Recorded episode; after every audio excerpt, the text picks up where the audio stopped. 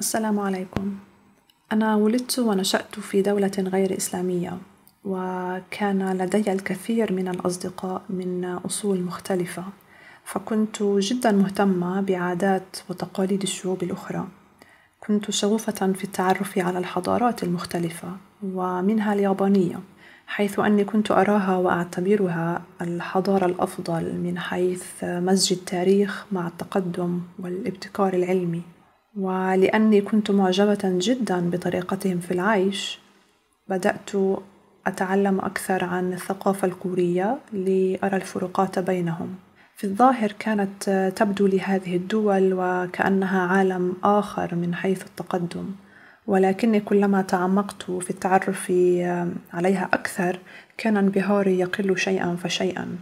بالنسبة لكوريا فهي كدولة تفتقر للموارد الطبيعية. لذا فإن اقتصادها مبني على الصناعات ومنها صناعة الترفيه حيث أن هذه الفرق الغنائية تعتبر فيها مصدر دخل وطريقة لإظهار الدولة بصورة مثالية براقة.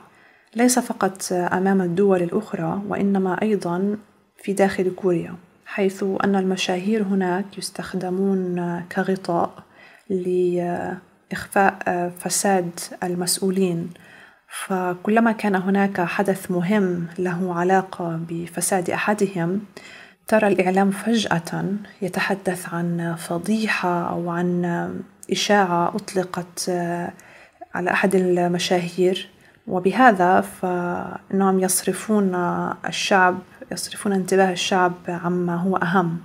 في الماضي لم تكن مهنة الآيدول أو مهنة المغنين والمغنيات في في هذه الفرق. لم تكن تعتبر مهنة محترمة حيث كان ينظر إليهم ينظر إلى الأعضاء بأنهم مجرد دمى من غير قيمة. يتم التلاعب بهم من أجل النقود. أما اليوم وبعد النجاح العالمي لبعض الفرق ومنها ال BTS فأصبحوا مجبرين على إظهار احترامهم لهكذا فرق مشهورة لأنهم يعتبروا مصدر دخل مهم للدولة. وهذه الفرق التي لديها دعم خارجي كبير أصبحت بدورها أيضا مجبرة على أن تظهر انفتاحها للعالم أجمع لترضي جميع الفئات وبذلك تضمن دخلها المادي من كل الشعوب. فمثلا قضية الشذوذ أو الوشم أو حتى الأجانب ووجود الأجانب بكثرة أو الزواج من الأجانب هذه الأمور لم تكن مقبولة على الشعب أو المجتمع الكوري فهي تعتبر دخيلة على المجتمع. وحتى لو كانت فئة الشباب هناك قد تغير موقفها تجاه العديد من القضايا إلا أنه بالمجمل فإن الشعب الكوري ما زال غير متقبل مئة بالمئة لهكذا أمور. أما نحن فسبحان الله نميل مع أي نسمة بحجة الانفتاح طبعا. وبالنسبة لأعضاء الفرق الغنائية فما زال من الصعب علي أن أستوعب كيف أن الأهل يوافقون على إرسال أولادهم صغار السن. بعمر الحادية عشرة والثانية عشرة سنة لينضموا لشركة هي أشبه بأسواق العبيد حيث أنه سيفرض عليهم من قبل هذه الشركة برامج تدريبية قاسية برنامج غذائي صارم يمكنهم يمكنهم النوم فقط لمدة ساعتين أو ثلاث يوميا. كل هذا وعليهم أن يتشاركوا الغرف مع عشرات الآخرين. وأيضا قد يتم تعنيفهم لفظيا ومنهم حتى جسديا. من أجل ماذا؟ من أجل المال والشهرة. وبعدها إذا تمت الموافقة عليهم ليكونوا جزء من فرقة غنائية تطلب الشركة منهم أن يلعبوا دور معين أن يتقمصوا شخصية معينة معدة لهم مسبقا. مثلا الشخصية السعيدة أو شخصية القائد. وهكذا هذا يعني أن من نراهم أمام الكاميرات هم في الحقيقة ممثلين يقومون بتجسيد شخصية معينة وحتى أن الحوارات بينهم تكون أيضا مكتوبة ومعدة مسبقا فكيف يمكنكم الإعجاب بشخصيات وهمية خيالية؟ أذكر أن هناك فرقة غنائية من الإناث قامت إحداهن بفتح ماذا يحدث؟ وراء الكواليس وتبين أنها كانت تتعرض للتنمر وحتى للضرب من إحدى من قبل إحدى زميلاتها مع أنهن أمام الكاميرات كن يقومن بدور الصديقات. وحتى أن أعضاء فرقة BTS أنفسهم الذين اشتهروا بحملتهم الدعائية وأغانيهم التي تهدف إلى حب الذات كما يدعون. قد قاموا بالعديد من المواقف التي تظهر عكس ذلك. فمثلا منهم من يحرم نفسه من الطعام من أجل أن ينحف حيث أنه بالنسبة للكوريين كلما ازددت نحافة كلما كنت أجمل فهم مهووسون بشكلهم وكأن قيمتهم الشخصية مستمدة من مظهرهم الخارجي. والذي بدوره يلعب دورا مهما في نجاح الفرد على الصعيد المهني والاجتماعي. وأحد أعضاء الفرقة قد صرح أيضا بأنه لا يرى نفسه ذو قيمة لذا فعليه إثبات نفسه دوما. وآخر صرح بأنه لا يحب شخصيته وهكذا. هذا بالإضافة إلى الهوس الشديد لديهم في البشرة البيضاء الشاحبة. فهم يخافون من التعرض آه، للشمس حتى لا تسمر بشرتهم. وقد قام أحد الأعضاء بالتنمر على الآخرين قائلا أنه يصعب عليه رؤيتهم ليلا من شدة إسمرارهم يعني قمة في السفاهة والعنصرية. فكيف تتخذون من هكذا أشخاص قدوات؟ هذه الثقافة كانت سائدة في كوريا وما زالت طبعا. ولكنها آه، بدأت آه، بسبب آه، أن الأشخاص الذين كانوا ينتمون إلى طبقة الأغنياء أو الطبقة الأرستقراطية إذا أردتم تسميتها في السابق فإنهم لم يكونوا بحاجة للعمل في الخارج كانوا يمضون معظم وقتهم في الداخل داخل البيت. لذا فإن بشرتهم لم تتعرض لأشعة الشمس فكانت بشرتهم تميل إلى اللون إلى البشرة البيضاء. أما الذين كانوا ينتمون إلى الطبقة أو الفئة العاملة فكانوا يمضون معظم ساعات النهار تحت أشعة الشمس لذا فإن بشرتهم كانت سمراء اللون.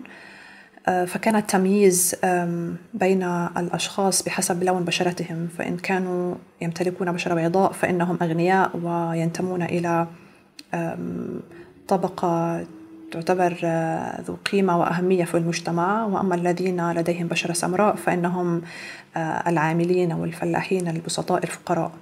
هكذا كانت ثقافتهم في في الماضي وطبعا فقد استمروا تطبيق أو الإيمان بهكذا أفكار عنصرية. طبعا هذا الهوس في الجمال هو هو السائد هناك وحتى أنه يلعب دور مهم في عملية التوظيف للشركات أو التقدم لأي عمل وحتى الزواج. والمستفيد طبعا هم شركات التجميل والعيادات الجراحية المنتشرة بكثرة هناك. وحتى أن بعض الأهل الذين لديهم أولاد وقد أنهوا دراسة الثانوية كهدية إن أرادوا تقديم هدية لأولادهم لإنهائهم الثانوية فإنهم يقومون بإهدائهم النقود أو حجز لإجراء عملية جراحية. الهوس لديهم غريب غريب. وهكذا فإن الإنسان تحول لديهم لمجرد شيء أو لسلعة. فأين كرامة الإنسان عند هذه الشعوب التي في ظاهرها تبدو لنا وكأنها متقدمة إلا أنها في الحقيقة هي في قمة الجهل والتخلف. بالنسبة للجانب الديني فإن أعضاء فرقة BTS أغلب في الأغلب هم ملحدين ومنهم من يؤمن بالتناسخ وبأنه سوف يعود إلى الحياة مرة ثانية بعد الموت ولكن على هيئة أخرى ومنهم من يود العودة على هيئة حجر. فكيف نتغنى بأشخاص كهؤلاء؟ وقد أعزنا الله بالإسلام وقد من علينا الله بعقول لنتفكر بها. ولاحظت أيضا انتشار العديد من الفيديوهات التي أعدها آه، معجبو هذه الفرق والتي تظهر آه، تظهر اثنين من الأعضاء على أنهم في علاقة غرامية بحيث أن هذه الفيديوهات آه، تظهر تحليل لكل حركة أو نظرة بين الأعضاء فما الذي تحاولون أن تثبتوه وتنشروه؟ الشذوذ؟ لماذا تضيعون طاقاتكم ووقتكم بهكذا أمور ليس فقط محرمة دينيا وإنما هي مدمرة للمجتمعات بشكل عام. لقد عدت إلى الإسلام بعد سنوات طويلة من الضياع والفراغ الروحي. عدت للإسلام بعد أن كنت قبلها قد غرتني حياة الغرب وأبعدتني عن الإسلام ككل حيث كنت أرى فيه دين صعب ومعقد ولكن الحمد لله جاءتني صفعات جعلتني أستيقظ من غفلتي وأرى الحقيقة. وصدقوني كل ما ترونه من حريات آه، وكل هذا البريق لنجاحات هذه الفرق. صدقوني هم في الحقيقة عبيد عبيد للمال والشهرة وعبيد لشهواتهم. بداخلهم هناك فراغ كبير جدا لا شيء يملأه.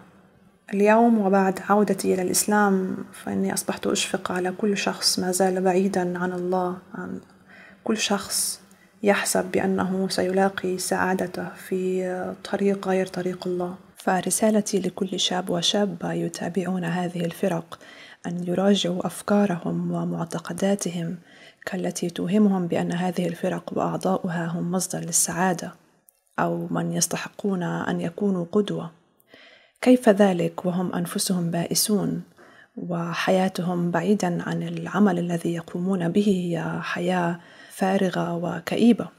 ونصيحتي لكم أن تستغلوا كل ما لديكم من وقت طاقة وإبداع بأمور تطور من شخصيتكم وتزيد من وعيكم. واستثمروا أموالكم بأمور تعود عليكم بالنفع بدل أن تصرفوها على أشخاص يرونكم مجرد رقم ومصدر لدخلهم. تعلموا الإسلام تعلموا العزة من الإسلام اقرأوا اكتبوا وفتشوا على جمعيات أو مراكز للتطوع. صدقوني هذه الأمور ستترك ستترك أثرا في حياتكم لا يقارن بكل هذا الزيف آه، وخداع الكيبوب.